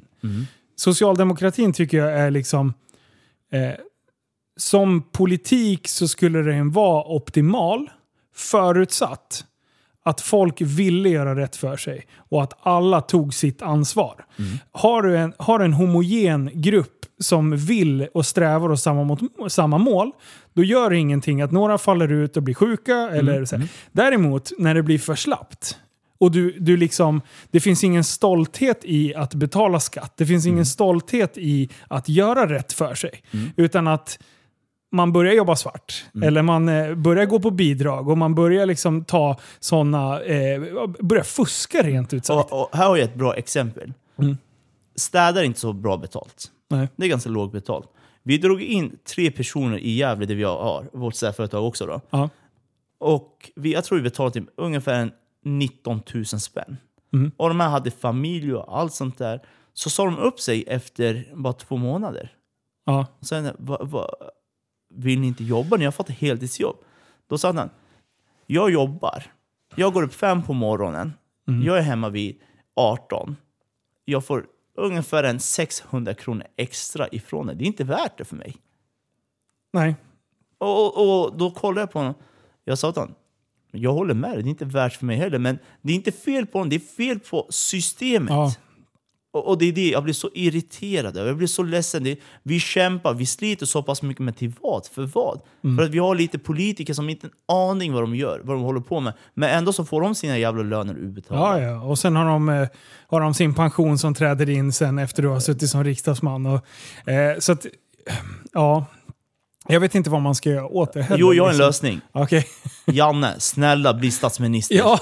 Snälla Janne. Ja, alltså jag håller inte med om allt Karn, eh, hans idéer och liksom hans... Men på det stora hela så kan jag bara, you go, kör bara. Äh, Jag, jag ska rösta på honom alla dagar Ja, i absolut. veckan. Jag också. För att, vet du vad? Det är fan det bästa alternativet som skulle finnas än om du börjar kolla på de andra partierna idag. Precis. Jag, jag, och, grejen är så här, det har gått så långt så att jag hör ju vad de debatterar om, men jag tror inte på det längre. Nej, nej, det är skitsnack. Det är skitsnack. Det jag skulle vilja se, det är Janne och Hanif Bali tillsammans. Uh, Det, det, det, tror jag faktiskt, det hade, blivit, det hade hänt saker och ting i Sverige. Ja, precis. Ja. Och om man tar bort då Jimmy Åkesson från SD, bara tar in honom som ren politiker. Mm. Skulle de här tre bilda team, då har vi världens bästa land utan problem. Ja, men just det där och att det som, det som är rörande, eller det som är, eh, binder ihop de tre, karaktärsdragen, eller det de har gemensamt, det är att, att man tror på att människan kan mer och att man vågar ställa krav. Precis. Våga ställa tydliga krav. Jag- brukar, jag brukar jämföra, ta det med barnuppfostran. Eh, jag, jag har ju alltid haft en, en bild av barnuppfostran, nu kommer det låta skitkonstigt, men som att uppfostra en hund. Eh, Du måste, vill du ha en trygg, stabil hund som, som vet exakt vad som förväntas av den, då måste du vara hård redan från början. Och det har jag ju liksom använt som en metafor när jag, när jag tänker på mina barn. Det är bättre att ta en fight ordentligt, Precis. en gång, och aldrig vika ner sig. Precis. Och förklara varför den här regeln är så extremt viktig för att följa. Eh, och, och skiter det sig någon gång, absolut. Alltså, Men just det där när du håller på och trotsar eller inte lyssnar. Det funkar inte. Och det blir bara pissig stämning på alla. De, de mår dåligt, jag mår dåligt. Det bästa som finns är ju när det bara är harmoni och sen så kan man liksom vara med och justera lite. De kan säga till mig, pappa, stopp nu. Eller jag, stopp nu. Ja, precis. Precis, och vi skulle älska det för att det vi kommer ifrån, vi är inte vana med den här strukturen som finns. här. Det är pappersarbete, du ska göra det här, du ska göra det här, du ska göra det här. För oss det handlar om on eller off. Ja. Så här gör vi, punkt slut. Det, det här kraven har vi. Och människor mår, mår ju bättre av tydlighet. ja, precis. Och, och det är där jag tror de här tre karaktärerna hade kunnat skapa. För att Stefan Löfven, kommer jag är också sosse, men helt jag, jag, ja, ja. Ja. alltså, jag tycker synd om honom. Jag vill gå fram och krama honom. För han är, han är som en, en sån här morfar eller farfars gestalt som ska, ska, ska vara lite finurlig framför elden på, på julafton. Men politiker och talare, jag är ledsen Stefan, men jag, jag, jag tycker inte att du är så bra på det. Du är säkert jätteduktig på någonting annat. Men, Nej men det, det, det är så här. äh, folk frågar okay, varför tycker du inte om facket? ja, Men kolla, Stefan Löfven kommer från facket. Vad har han gjort för något? Ja. Har alltså, facket har en så stor roll i Sverige, alltså, så, så stor mandat att vi får en statsminister därifrån. Det är helt sjukt. Och det sjukaste, de gångerna man har med, med facket jag, jag ska tillägga att jag har ju varit väldigt förskonad och jag har en jättefin relation med facket. Och jag har inte, jag har inte behövt stöta på de här, men jag har hört stories om när en anställd missköter sig. Det är då facket glider in och är som den jävla Stålmannen och ska skydda. Varför? Och, och, och då vill de hellre liksom att det, det någon annan som sköter sig ska kliva åt sidan, men att den här som det handlar om ska få vara kvar. Det är, så här, är det inte bättre för alla medlemmar att är det uppenbart att någon anställd har brustit Precis i, i respekt mot företaget eller att man har begått någonting liksom grovt eh, fel i, för, alltså i sin företagsroll. Ja men vad fan, varför glider inte facket in och bara säger så här, du det här var inte bra, nu får du sluta. Men det Hej finns då." ingen logiskt tänkande där inne. Nej. Alltså, det finns inget sunt förnuft. Det finns ingenting sånt där. Du vet, jag var, med ABB så var jag på utbildning. Jag ska bli metallare för alla konsulter. Mm. Efter tre dagars utbildning så gick jag ur facket. Ja. Det finns inget logiskt tänkande. Alltså, gre- grejen, man ser inte värdet av företagarna. Nej. Det är lite som, som oss invandrare, när vi bor i hemlandet. Vi har så stora förhoppningar om Sverige och allt sånt där hit och dit. Det är samma sak med facket. Folk som tror på facket tror att de som har företag är slavar. Att de, de har fel i allt. Och, och då tänker jag så här, vet du vad? Vi borde ha lite större respekt för företagarna. För utom de här företagen så finns inte facket. Du vet, inne, inne på IF Metall, på den här utbildningen, de var så stolta. De sa att vi har så pass mycket pengar så att om hela Sverige skulle läggas ner och inte en person arbetar så kan vi försörja hela landet i sex månader. Och då tänker jag så här, Sveriges ekonomi är ju under... Alltså den är ganska bra ändå under pandemin. Ja. Men varför hjälper inte facket företagen nu då? Ja, precis. Varför är För då hjälper de indirekt sina egna medlemmar. Precis. Ja. Har de kapat, vet du vad? Nu är det ganska tufft. Jag behöver inte ta 2% från din lön eller vad fan de tar. Mm. Förstår du? Äh, men vet du vad? Vi belastar inte Kejan och Linus med att köpa in handsprit och masker och visirer och allt sånt där. Vi går in och köper själva för att vi får ju så pass mycket betalt. Ja. Men varför finns inte det tänket då? Varför ska det aldrig komma från och peka finger? Ja. Alltså, det- det är det jag tror på. Men i grund och botten, självklart, jag vill att mina anställda ska vara superstolta över sin arbetsgivare, sin arbetsplats. De ska må bättre än någonsin. För att har du glada medarbetare, då har du kvalitet på ditt jobb också. Ja. Men dina medarbetare, om de inte sköter sig, så ska de inte kunna stä- ställa orimliga krav. Nej. Nej men det är samma sak som, som jag ser på socialdemokratin. Alltså i en perfekt värld där alla vill vara med och göra rätt för sig, då är ju Alltså då är ju facket underbart. Mm, mm. Och det är så här, jag tycker det är en trygghet. De, peppar peppar så har jag inte behövt eh, säga upp folk förutom vid ett tillfälle när vi fick eh, ganska grov ny konkurrens. Mm. Eh, jag tror det var 2012 när Ikea bytte plats från Hälla till Erikslund. Mm. Det var förödande för, för min butik för då gick Maxi så sjukt mycket bättre så jag tappade 12-15 procent. Så det var liksom, Mm. ja, jag jobbade dygnet runt. Eh, min pappa jobbade dygnet runt. Min eh, bonusmamma jobbade dygnet runt. Och vi visade röda siffror hela tiden. Mm. Eh, så att eh, till slut var det ju bara bita i det sura äpplet. Kallade dit facket. Eh, och sen så sa jag så här, jag behöver hjälp. För att så här är det, det här är siffrorna. Jag gav dem allting. Mm. Eh, och hade faktiskt en, eh, till en början så var det en, en farbror som inte riktigt var han, han tog, eh, då hade jag skrivit anställningsordningen, så, så bara strök han, drog han ett streck. De här kan du säga upp. Jag bara, ha, okej. För det var de som var sista anställda. Jag Mm. bara, okej. Så vi tar bort halva, halva min personal. Mm. Jag bara, vem ska jobba? Hur, hur långa öppettider har vi? Mm. Eh, är, det, är det en arbetstrygghet med att man jobbar... Ska vi jobba själv i butiken vissa timmar? Eller ska vi, alltså då bara... Nej, det går ju inte. Nej, för då har vi Arbetsmiljöverket som står här Mm. som en hök och undrar vad fan jag håller på med. Ska jag, kan du gå i god för det här nu? Mm. Bara, nej, nej, nej. Så det, så det slutade ju bra. Eh, det var en tjej som vi kunde coacha som, som började plugga och sådär. Så det löste sig jäkligt bra. Men, eh, och facket var riktigt, riktigt bra där. Men just det här första, bara glider in och drar ett streck. De där kan vi tyvärr... Och då, vi- då var det ju bara de, med, de som inte var medlemmar. Nej, Jag precis. bara, men du kan ju inte stryka folk som är liksom över, för då går vi mot LAS. Mm, mm. Och det sket han i. Det var bara så här, inte min medlem, inte medlem. Vad Nej, men alltså, fan händer? och det, där tycker jag det är ganska skevt. För jag, jag tycker det, det spelar ingen roll. Är du med i facket eller inte, LAS ska gälla alla. Absolut. Det, det, det är inga. Och sen tycker jag så här, att vara företagare, det är som elitidrottare. Att vara arbetstagare också som elitidrottare. Jag tycker så här, är du inte bäst, då är du på fel plats. Kan du inte Ja. prestera, så är du på fel plats. För om du går upp på morgonen som säger så här, vet du vad, jag hatar mitt jobb. Ja, Kom inte hit. nej. Alltså, kom, kom inte hit. Men, ja, men han kan sitta där och säga jag hatar mitt jobb. Så är det flera, det smittar av sig det negativa. Men jag kan inte göra någonting åt det. Och då ringer jag facket. Ja, men hitta på någon rolig aktivitet och kanske hon trivs. Men hur mycket pengar tror jag gör? Alltså inte nog att branschen är utsatt som jag blir konkurrerad ut av Samhall som staten äger och driver och allt sånt där. Så ska de sätta sådana presser också. Och sen, ja men du, lönehöjning också. Men Ja, ja precis. men kom igen, det är inte så att mina alltså, kunder höjer, jag kan höja mina pengar där borta. Vi ska vara glada över att vi har ett jobb. Mm. Så det, det, det är väldigt mycket som är orealistiskt. Ja. Men som sagt, i, i den bästa av världar så är ju facket fantastiskt. Mm, Och det är tryggheten för våra anställda och det är. Men, det, det, alltså det, förstår du? Det, Det håller jag, må, det håller jag med om. Det är Ja. inte bara negativt. Nej, nej. Så det ska vara men, klart men det är så här, i den bästa av världar så Mm. funkar det ju hur bra som helst. Men det är ju inte riktigt verkligheten alla gånger. Nej, men, alltså, lite mer logiskt tänkande så tror jag de klarar det här. Ja.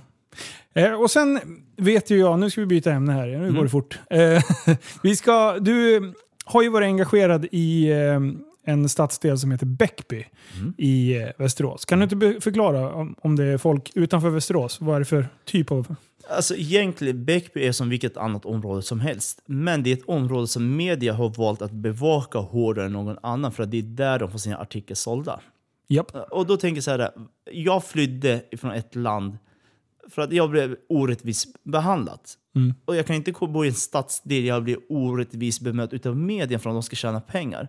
Och då drog jag igång lite sociala projekt där borta. För att nyckeln till integration som jag är inne på, det är ett arbete tycker jag. Mm. Det är ett körkort, för att idag 95% av de som söker ett jobb har inte ett körkort. Mm. Och då tänkte jag, vi, vi har gratis teoriutbildning, för att teori är bland det svåraste för oss invandrare. Mm. Eh, och tar man teori, får man det gratis så är det ganska enkelt att köra upp. Och jag tror nog en 8-9 stycken tog körkort efter de här teorilektionerna. Då tänkte jag, fan vad skönt. Mm. Och då gjorde vi lite eh, rekrytering, vad heter det? Eh, vad fan heter det för när företag kommer dit och rekryterar? Eh, Nej, men nu tappar vi det. Ja, ja jag vet vad du menar. Ja, nu, fan Jag drar en fråga emellan. Ja. Eh, som, som jag vet att folk sitter och tänker när, jag, när Ja. de hör dig prata nu.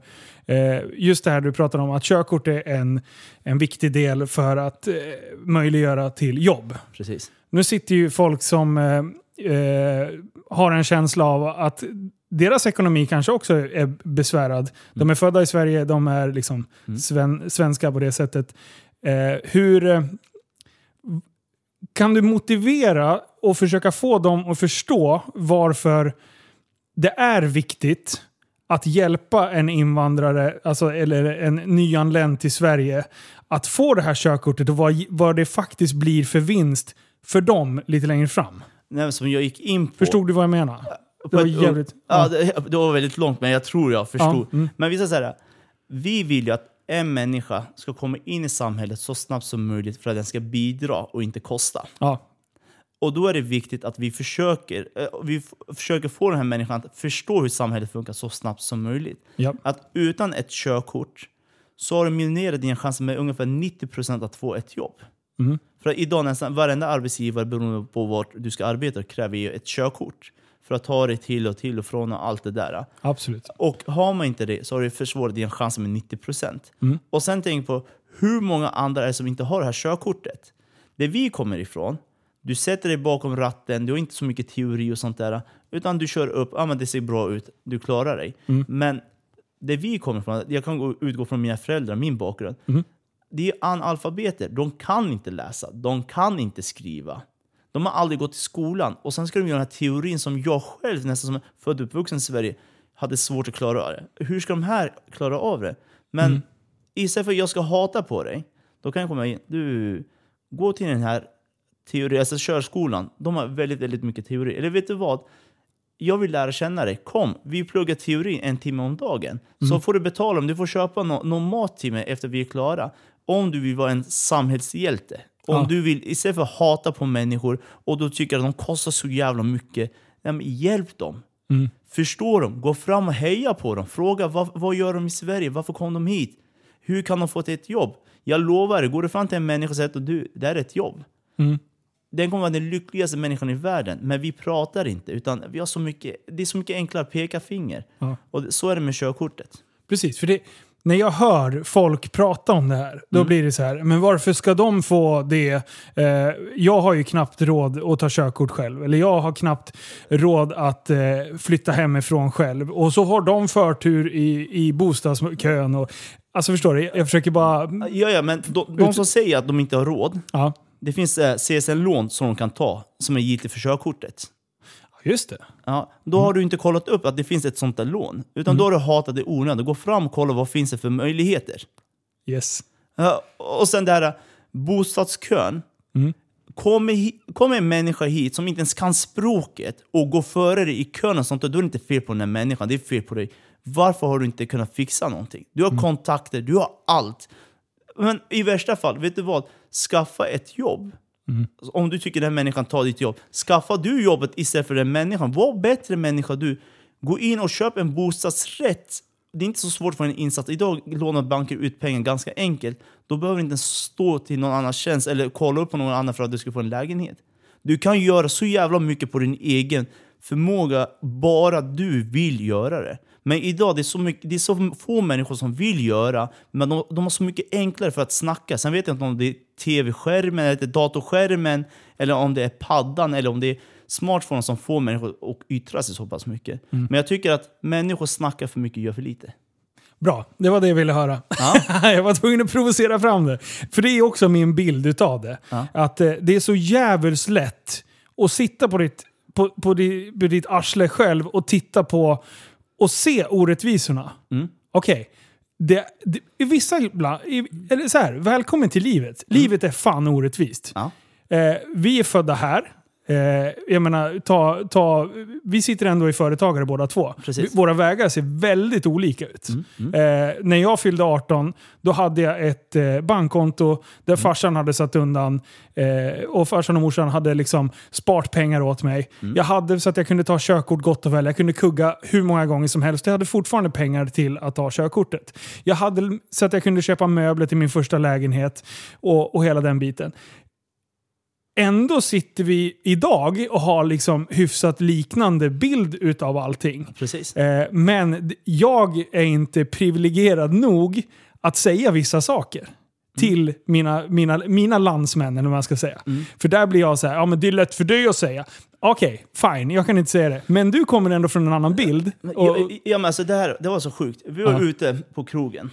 Så skulle gå och ta en fyllig kebab. Det är det man gör. Det är ganska inne. Jag går dit, tar min fyllig kebab. Så kommer någon fram till mig och bara kollar. Du, ja. Ut från mitt land. oj. Ja, jag tänkte. Och så, är du statsminister? Äger du landet? Nej. Så drog, jag- slängde han fram SD-kortet, medlemskapskortet. Då sa han, trevligt. Då sa han, vad tycker du om det här? Då sa han, jag har inte så mycket tycka. Det är ditt demokratiska röst som du har valt att lägga på SD. Tycker du att de är bra så får du väl rösta på dem. Ja. Och då sa han, ja, förstår du då att jag inte tycker om dig? Då jag att ja, men jag tycker inte om dig heller, för jag har inte lärt känna dig. För att lära känna dig så kanske jag tycker om dig. Nej, Sättet du beter dig nu så tycker jag inte om det heller. Nej, nej, men du, vet, eh, och då sa han, vad gör du för nytta för vårt land? Och då sa honom, om jag får vända på frågan, vad gör du för nytta för landet? Ja, men jag jobbar. Ja. Ja, vad skönt. Vad jobbar du med? Ja, men jag, jag, jag, jag rörmokare. Ja, trevligt. Vad gör du för något då? Går du på SOS? Då sa han, vet du vad skillnaden mellan mig och dig är? Så, nej. nej.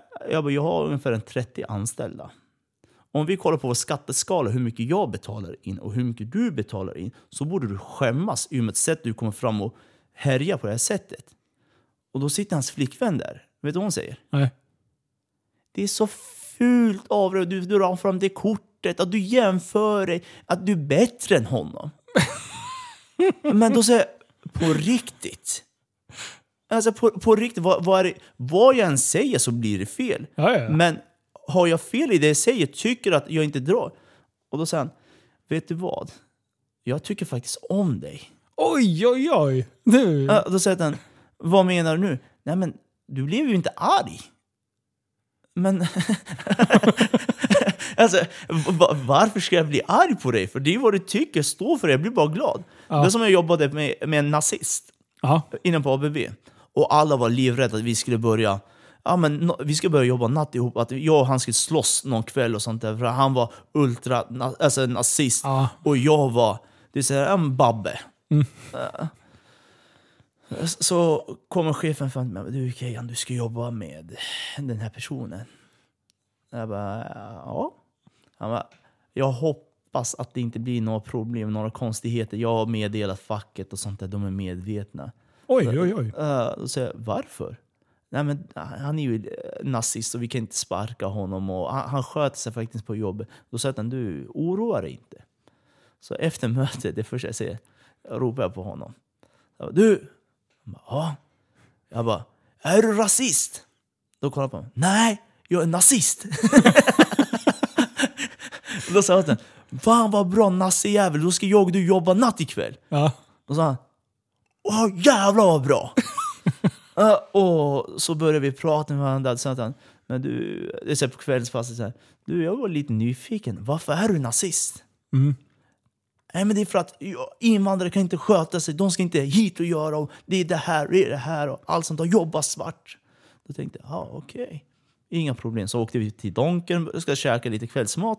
Eh, så bjöd jag honom på käket, och då tänkte jag, fan, inte ens mina kompisar bjuder mig på det här. Så nej, men det är så här det är i vår kultur sen. Det är därför vi bråkar väldigt mycket framför kassan.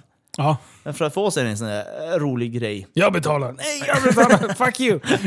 Det det är lite prestige i betalandet. Ja. Sen ångrar man sig efteråt och tänkte, fan jävla idiot. Ja, shit, jag skulle ha gett mig.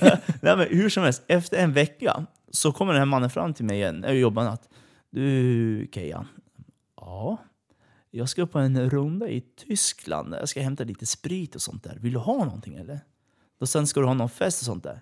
Nej men alltså jag åker en gång i månaden och hämtar och kränger iväg lite. Då sa jag du hatade ju invandrare från att jobbade svart. Vad håller du på med? Du är langare. och då sa han, Nej, men alltså, ibland måste man väl få göra det här. Det är väl som Ahmed, han säljer svart kebab.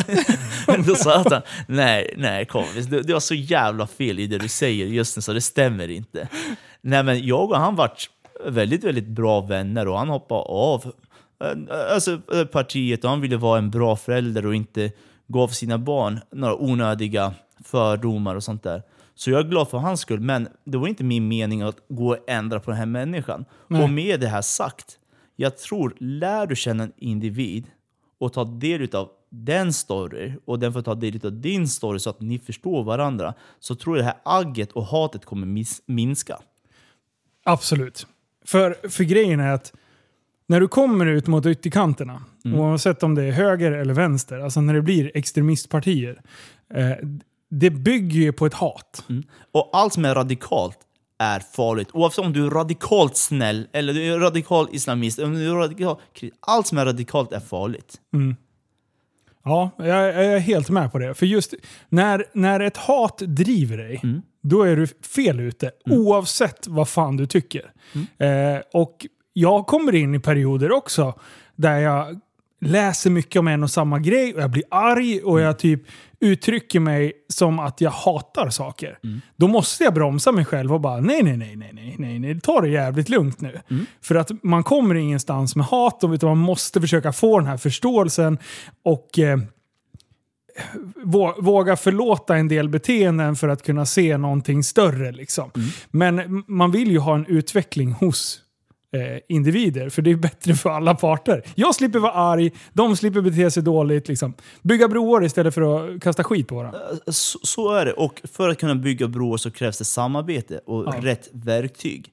Och om jag börjar med mig själv, hur ska jag lära känna Linus? Fan, det är en sån här extrem jävel som stegrar på bakhjulet. Han är livsfarlig. Helt brutal. Alltså det, men jag kom jag fram och pratade med dig och tänkte fan vad skön han var. Ja. Och vi är inte så långt ifrån varandra. Du har gått i ridning, jag har gått i konståkning. Ja, precis. nej, men man har We're ganska both puffs. ja. Nej, men det är väldigt mycket sånt där. Och, ja. alltså, börja snälla, börja prata med varandra. Hälsa på människan som sitter bredvid dig. Fråga bara du, hur mår du? Varför mm. kom du till Sverige? Vad var det för story? Berätta! Och berätta varför du är nazist. Jag älskar det. Men mm. det var en, jag fick stryk en gång också. Åh, oh, nej. Nej, jag, jag var på väg hem så såg jag skinheads. Eh, och så kollade de på mig och då visste jag att det, nu kommer det hända någonting. Ja. Så det första han säger, vad tycker du om Sverige? Jag tänkte, ah, jag tycker Sverige är väldigt, Very väldigt, good! väldigt bra. Mm. Och då sa han, vad är det som är bra med Sverige då? Och då tänkte jag, shit han kommer slå mig när som helst. Ja. Och då sa jag till henne, alltså, det är så skönt, du behöver inte jobba i Sverige, du får betalt ändå och då, då, då såg man hur han knackade så här, med tänderna, så här, började spänna hela kroppen. Så man, så här, och så, åh, åh, det är därför jag hatar er! Ja. Och då tänkte jag, shit. Ja, berätta, vad mer som är bra med Sverige? Nej men alltså, det är ju skönt. Alltså, man går på SOS. Och då hörde jag bara Ta den där jävla pappen! då var det bara springa, men jag var ju ganska liten. Jag stod i käften, jag ångrar mig, förlåt. Men jag fick en sån spark så jag ramlade ner. Och de började sparka på mig. Sen när jag kom hem, jag kan inte berätta för mina föräldrar att jag blev slagen av nazister. Och sa vad är det som har hänt? Äh, vi tränade på eh, gruset idag. jag ramlade ner därifrån. Eh, det är så, man vill ju inte ge den där bilden att de ska gå runt och vara rädda och sånt där. För att jag kunde ha löst situationen annorlunda. Ah, ja. Jag kunde ha berättat min story, men då skulle jag vara den där häftiga killen du vet, mm. men innerst inne som var jag en fegis. Ja. Man kan ju säga att du inte spelade dina kort så jättesmart. Nej. Men det var lite kul, det måste jag ändå ge. Ja, men det, alltså, det var lärdom utav det, annars hade jag aldrig pratat så fint efter fyllekäket. Nej, precis. Det är sant. Men vi ska gå tillbaka till Bäckby. Ja. Eh, och, och, jag vet att vi började snacka om eh, eh, hur media målar ut mm. Bäckby. Mm. Och eh, det är ju som någon så här vad är det man säger, utanförskapsområde och det är... Miljonprogram. och- Det är Ja, skitsnack. Det är skitsnack. Precis. Eh, och så, alltså om man ser till boendesituationen på Bäckby så är ju f- 50% om inte mer villor Alltså, utav Bäckbys yta. alltså Bäckby, det är inte folk vet, det är ett gammalt ASEA-område. Ja, Västerås är Västerås på grund av ASEA och ABB. ja, Uh, och men det är det människor glömmer bort idag. Det, det man glömmer bort att vi har 280 företag på Bäckby. Mm. Det, det, det snackar ingen om. Nej. Vi har bostadsrätter, vi har kedjehus, vi har parhus, vi har radhus, vi har eh, villor. Och sen har vi hyreslägenhet som en liten skala av det hela. Men man, man väljer att bara gå in och fokusera på den här lilla hyresrätten som vi har där borta och lyfta fram alla problem. För det, det som, om man ser till det, det som faktiskt händer. Det bränns mycket bilar.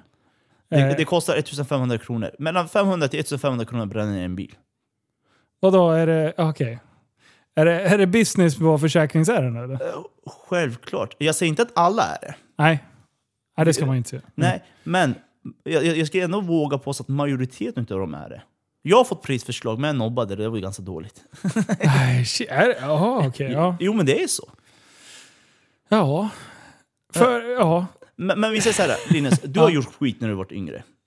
Ja, Jag har ju varit, alltså, det är det som är, jag har ju varit jävligt tråkig. Jag spelade hockey ta mig fan med hela Men, men, tiden. ja, men vi säger super retard har gjort skit. Okej, ja, jag har brutit mot trafikregler. Ja. Där, boom! Där, Gangster shit. där, där, där har jag gjort. Jag har kastat ägg mot taxibilar och mot allt sånt där. Varför? För att få till lite alltså, spänning i vardagen och sånt där. De var en barn. Ja. Det vill säga, Istället för att säga bus och godis, vi, det första vi gjorde då var bus. Vi kastade våra ägg och sprang iväg tyckte det var skitroligt. Sen när man växte upp tänkte shit vad mycket hat jag skapat. Förlåt. Fan vad mycket hat jag skapat. Ja. Och det är de här grejerna man inte tänker på. Men, men går man tillbaka till sig själv och rannsakar, hur mycket har jag gjort? Ja. Då blir det ganska mycket. Men för att gå tillbaka till Bäckby, och då är det bara media och våra politiker systematiskt svartar upp det här, målar upp det här svart för att de ska vinna röster och få sitta kvar till nästa val och få in skattepengar på sina jävla positioner. Men jag tycker inte att Bäckby är så mycket farligare än något annat område om man ska vara helt ärlig. Nej, det händer ju skit i alla områden nu. Alltså runt om. Det är ju, och just hur mycket vapen det är som cirkulerar runt i, i egentligen i alla städer, i alla områden. Det skrämmer mig lite. Den utvecklingen är inte bra. För vi, det är det är som att vi liksom går i USAs jävla fotspår. Ja, ja, men alltså då, då, jag fick höra för två, tre dagar sedan senast att du Kejan har inget vapen. Vad fan ska jag ha det för? Jag har ingen fiende. Nej men det är bra att ha vapen på sig. Jag tänkte, hallå jag flydde ifrån kriget. Jag kom hit till tryggheten, till möjligheternas land. Ska jag gå runt och välja självmant, gå med pistol och inte ens ha några hatare? Ja, mm. Du vet, det, det funkar inte så. Det är, människor har målat upp någon betongbild utav förorten, miljonprogram som inte ens existerar i Sverige. Till och med en hemlös, förstå mig med all respekt, all, all respekt. Men jag pratade med en hemlös häromdagen. Han fick 11 000 kronor i månaden. Förstår du? Till och med hemlösa i Sverige har betalt. Vad fan är mitt problem att gå runt och bära på vapen och bli krimi- kriminell? ja, nej. Nej, det är jävligt dumt. Eh, nej men alltså det, det är det. Och sen, nej, måla upp rätt bild, ge rätt förutsättningar och sen har du ställt in, har du lagt in 2000 bostäder med bara invandrare som alla är arbetslösa och sånt där. Det är klart som fan det kommer hända grejer. Det måste Ja, finnas lite ja. spänning i livet. Ja, Du vet, jag brukade gå ut och studera. Den som lyssnar på det här, jag har ett tips. Gå ut på en promenad i ett svenskt område, ett lite finare område, villaområde och sånt där. Så kollar du på klockan. Vid, vid, vid 22 är majoriteten av de här villorna de är släckta. Folk ligger och sover. Gå in i ett alltså, tätt område, hyreslägenheter och sånt där, höghus, och klock, samma klockslag och kolla hur många lampor som är släckta där. Det är inte många. Nej. Det, det är faktiskt mitt tips. Och vad det beror på, det är ett jobb. Du måste gå upp. Du har inte tid för att göra det skitet. Mm. Men så fort ni har möjlighet, snälla, gör det. Jag lovar, det kommer vara så nyttigt. För att det var det som drev mig framåt. Att jag vill få bort mina föräldrar mina syskon ifrån lite tuffare miljön, från hyreslägenheter till att jag köpte deras hus till dem. Så att de fick bo där borta. För att syrran ska få lite tryggare. Ja, nej, det, det är, jag tycker du har väldigt många poänger. Som, eh, och det, det, det, det görs tydligt liksom vad, eh, vad som är vad. Eh, sen som sagt, hur vägen till hur man ska se till att kunna göra, eh, göra möjligheter för att fler ska få jobb eller eh, hela integrationspolitiken, eh, mängden eh, alltså asylflyktingar vi vi ska ta emot och sådär. Vet du vad? Jag är så sjukt glad att inte jag är politiker. För det är en sinnessjukt galen uppgift vi sitter inför just nu. Ja, men det Eller? är, alltså jag, jag tycker så här, politiker borde vara företagare. Ja, jo. Eh, alltså, helt ärligt, det borde inte vara svårare än så. Vi, vi har politiker som har aldrig drivit ett företag, men ska dra de här, slu, alltså, de här besluten åt företag som omsätter flera miljarder. Och den har inte en aning vad de håller på med. Nej, det är sant. Jag kanske kan klick, kicka vilken politiker som helst egentligen. Men jag tror ju, i min värld så är ju politiker liksom, de är ju någon så här övermänniskor som, som kan allt liksom. Nej, de är värdelösa, de kan inte jack shit. Ja, det kanske är så. Eh, Nej men alltså på riktigt. Eh, Jag, jag, jag, jag är helt ärlig, jag är, inte så, eh, jag är inte så mycket PK av mig och sånt där. Jag, jag, jag tycker man ska vara rak och ärlig, gå på sak. Ja. Och jag tycker att anledningen till att vårt samhälle ser, ut- ser ut som det gör, det är tack vare våra politiker. Det är inte tack vare dig och mig. Förstår Ja. Vi försöker göra vårt, Ja. men om vi hade haft mindre arbets, alltså, vad heter det, arbetsgivaravgifter och skatter och allt sånt där, vi hade kunnat anställa fler människor. Vi hade kunnat anställa hur många som helst. Och då, egentligen. hade, då hade jag haft mycket mindre skatter. Men vi säger så här, det här är ganska intressant. Mm. Hur många svenska ministrar har sina bolag utomlands? Så de inte, när de fakturerar regeringen från utlandet. Vad är det många eller? Det är ganska många. Jag, förstå mig rätt nu, nu är jag Jaha. lite osäker. Men Ma- Margot Wallström, Ja. kolla upp vad hon tjänade och hur mycket skatt hon betalade i Sverige. Hon var ändå utrikesminister för Sverige. Och har vi så pass bra och förmånliga skatter i Sverige, varför ska en minister ha ett bolag utomlands? Då måste vi veta att någonting står inte rätt till här. Nej. Nej, intressant. Nej, Ja, nej. Jag, jag, som sagt, jag, jag, eh, jag tror att det är jävligt lätt att eh, sätta regler för andra och sen så kan du göra lite undantag för dig själv. Och då är, då är du inte på rätt plats. nej, det är enklare att begränsa andra. Det är så, du kan äta godis men inte dina barn. Mm. För det är en måndag idag, eller det är en söndag idag. Ja. Men det är så våra politiker tänker och jag tycker det är helt fel. Ja. ja, det är galet. Du, fan vad roligt. Det är kul att lära känna dig eh, lite bättre och få en bild av eh, vad, vart du kommer ifrån och eh, vad du har gjort under den här tiden Tack tills, tills idag. Och det är ett fantastiskt jobb med alla dina företagare. Det, det ska du ha jävligt stor cred för. Tusen tack, tack för möjligheten. Superkul att vara här Linus. Ja, vad roligt. Du, tack snälla för att du kom. Så Tack. hörs vi. Ja, det är fint. Stort tack för att ni har lyssnat på dagens avsnitt. Eh, det kommer att dyka upp fler avsnitt här kort framöver. Och är det så att ni gillar podden och vill vara med och utveckla den tillsammans med mig så har jag startat en Swish för att kunna ta emot lite mindre bidrag men som ändå möjliggör att jag ska kunna inhandla nästa steg av podden. Och det är att jag ska kunna filma och redigera live. Så en livestreamingutrustning är vad som ligger i pipen. Eh, Youtube-kanalen är redan klar, så att, eh, nu är det bara utrustningen som behövs. Men sånt där är tyvärr ganska dyrt. Så, vill ni vara med och bidra så kan ni göra det genom att swisha på nummer 0734 33 29 95. 0734 33 29 95. Du, vi hörs nästa på. Hej!